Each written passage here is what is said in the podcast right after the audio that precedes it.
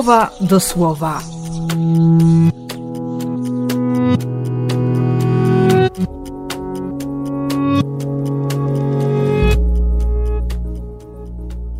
Czwarty marca, sobota ze świętym Kazimierzem.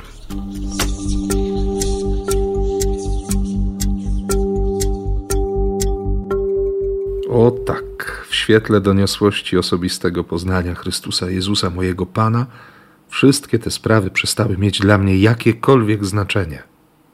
Z całego serca pragnę zbliżyć się do Chrystusa, stać się do Niego podobnym, pragnę doświadczyć mocy Jego zmartwychwstania.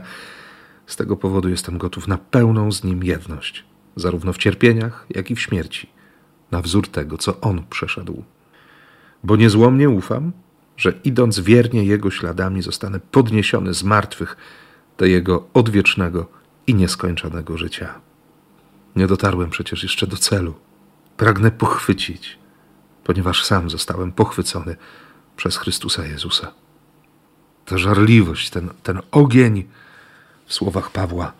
Pawła, który pisze list do ludzi wywodzących się z wojska, emerytów wojskowych, ludzi twardych, ludzi, którzy wszystko w życiu widzieli.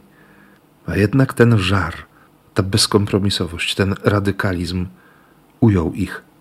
I wielu uwierzyło w Jezusa, uwierzyło Jezusowi ze względu na świadectwo Pawła.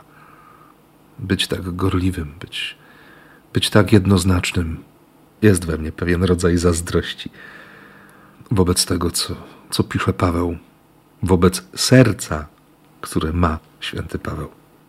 A jednocześnie to słowo mobilizuje, uczy zwrócenia uwagi, przyjrzenia się temu, który, który jest miłością, temu, który jest życiem, temu, który powie dzisiaj do ciebie i do mnie: Pamiętajcie o tym, że miłuję was w taki sam sposób, jak ojciec mnie miłuje.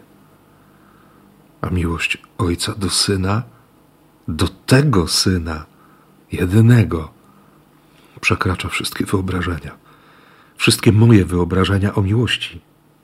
A wcale nie trzeba tak dużo, tak bardzo się starać. Jeśli w życiu będziecie stosować się do mego słowa, tak jak ja stosowałem się do słowa Ojca, wówczas wytrwacie w mojej miłości, podobnie jak ja wytrwałem w Jego miłości.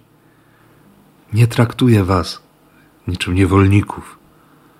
Traktuję was jak przyjaciół.